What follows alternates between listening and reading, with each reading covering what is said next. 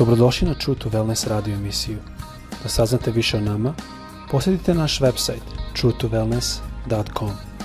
A sad, vaš domaćin, dr. Nikolić.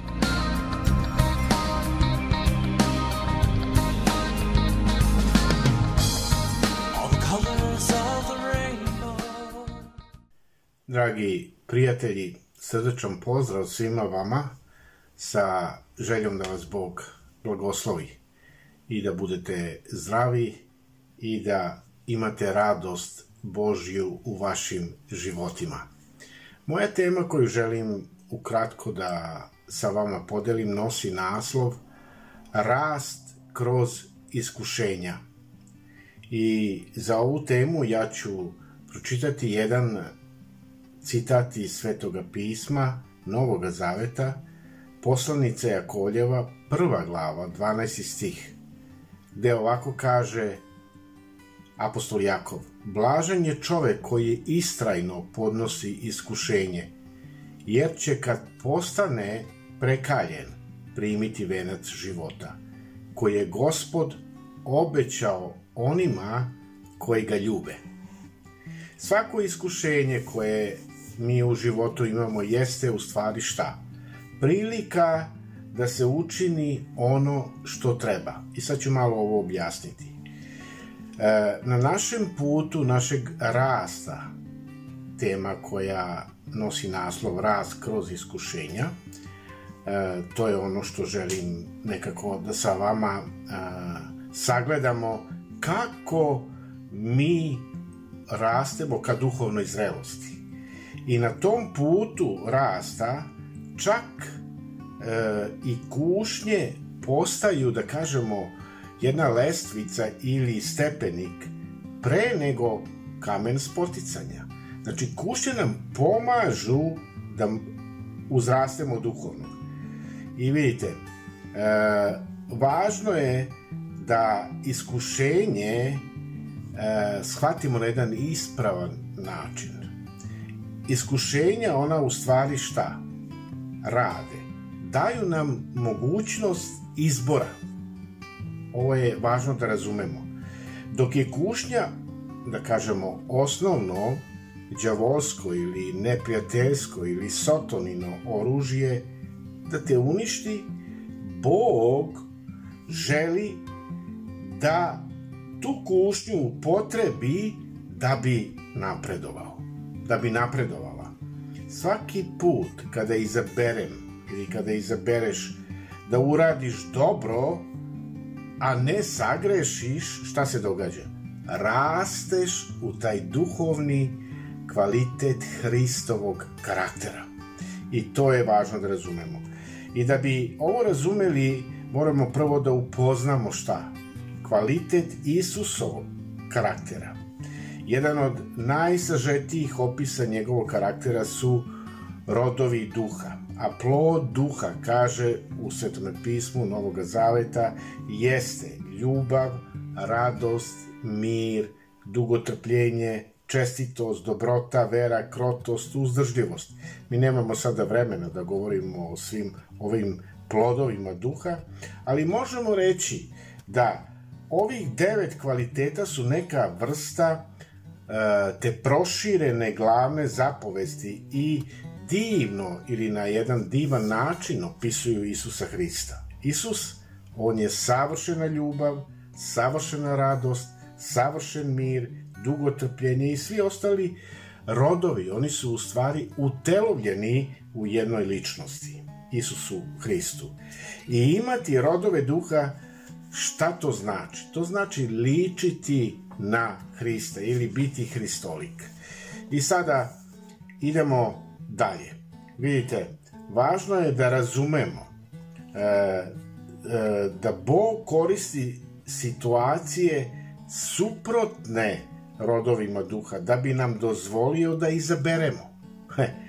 Ne možemo tvrditi da smo dobri ako nikad nisi bio u iskušenju ili kušan da budeš loš. Ne možeš tvrditi da si veran ako nikad nisi bio u prilici da budeš neveran. Vidite, poštenje, ono se gradi tako što mi u stvari nadvladavamo ili pobeđujemo kušnju da budemo nepošteni. A poniznost raste kada odbijamo da budemo oholi. Ustrajnost se razvija svaki put kad odbacimo iskušenje da odustanemo. I svaki put kada ja i ti pobedimo kušnju, mi ćemo postati slični Isusu Hristu sa svim ovim plodovima duha koji sam naveo, koji su u Isusovom karakteru. E sada da postavimo pitanje kako deluju iskušenja. I važno je znati da neprijatelj naš ne spava uopšte. 24 sata on je budan. E, Sotona, naš neprijatelj, on je nepredvidiv. E, e, I još od stvaranja sveta on koristi različite strategije i možemo negde u svom životu da e, pazimo na one kušnje koje su stalno prisutne da bi e, mogli da damo jedan okvir e, na koji način nas neprijatelj kuša. I onda možemo iz te nepredvidljivosti e, kada ljudi ne razmišljaju o svome životu, pustili su se e, jednostavno kako ide život, neka ide, e, kako sam kušan, kušan sam, pa to je deo života, nemojmo tako razmišljati. Razmišljajmo da ono što satana radi nama, mi uvek trebamo da budemo pozorni, pažljivi i da vidimo na koji način on deluje s tim njegovim kušnjama. Da bi ga predvideli, da bi predvideli tu kušnju, vidite, nikada nešto novo on neće doneti. On će uvek doneti neke stare trikove, da kažemo staru strategiju, e, koju koristio vekovima da bi kušao sluge Božije, ljude, žene, decu i tako dalje i tako dalje. Vidite, sva iskušenja, ona idu po jednom šablonu, sotonskom šablonu. I zato je apostol Pavle rekao da nas satana ne prevari. Ovo je važno, jer znamo šta on misli. Vidite, iz svetoga pisma mi vidimo da je kušnja proces. Proces od četiri koraka, koje je Sotona primenio i kod Adama i kod Eve. Na, prvom, na prvi korak, šta je ono što možemo da primetimo? Da Sotona uh, u nama prepoznaje želju. I vidite, želja jeste nešto što Sotona vidi, prepoznaje. I to može biti grešna želja, kao što je želja za osvetom, želja da kontrolišeš drugoga, ili može biti opravdana normalna želja da budeš voljen, cenjen i da osetiš to neko zadovoljstvo. I iskušenje počinje kad Sotona predloži gde? U našim mislima da se predamo nekoj grešnoj želji. Ili da ispunimo, da kažem, tu opravdanu želju na pogrešan način i u pogrešno vreme. Zato uvek se čuvaj prečica. One su često te kušnje.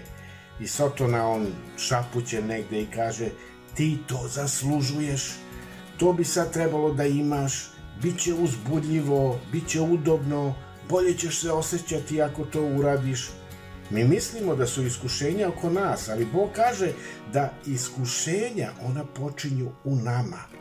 I vidite, ako nisi imao unutrašnje želje, iskušenja nisu mogle da te privuku.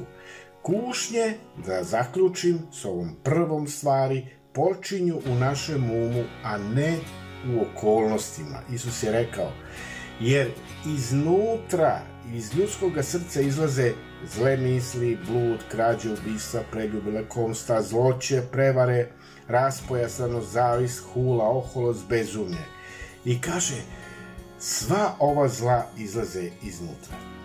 E, drugi korak jeste sumnja. Sotona on jako dobro zna da kad poseje sumnju on može da napravi neki svoj posao i on pokušava da nas navede da posumnjamo ono što je Bog rekao o grehu.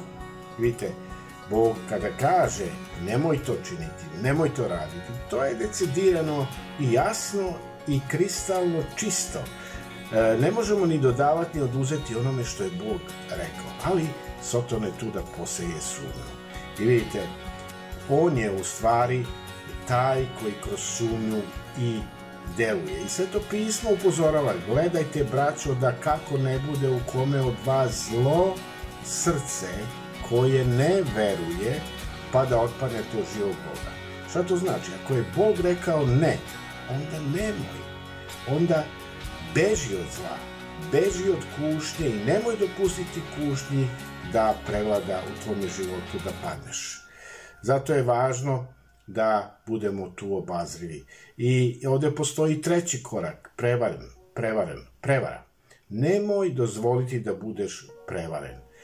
Mali greh je biti malo trudan, ali na kraju to se pokaže da je trudan čovek, da, da je trudna žena, jel?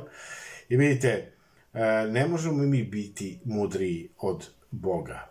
Kad je Sotona došao e, i poslužio se sa tom prevarom, on je pokušao istinu da pretvori u polu istinu, tako što je, recimo, rekao e, nećeš umreti. To je rekao Adamu i Evi, jel? Nećete umreti. Bićeš mudri ili bićete mudri od Boga.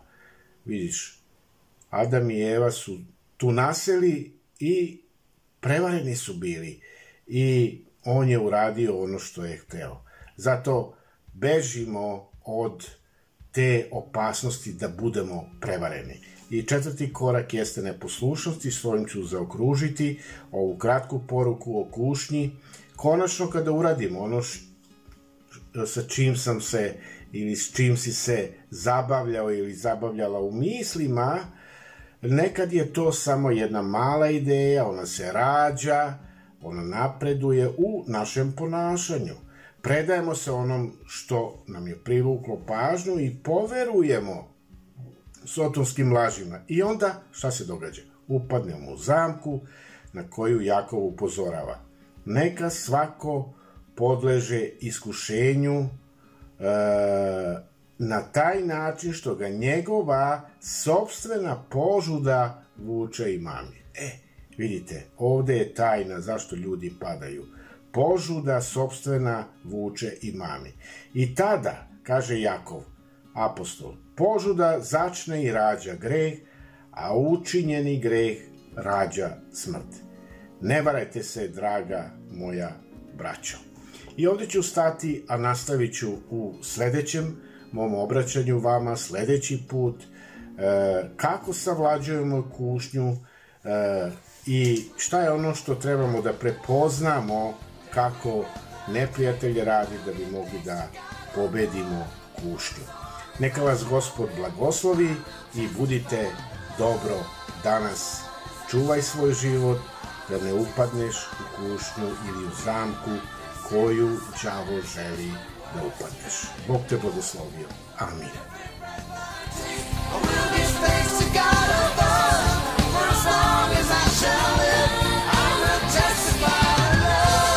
Slušate True to Wellness radio emisiju. Pridružite nam se ponovo svaki utorak četvrtak i subotu.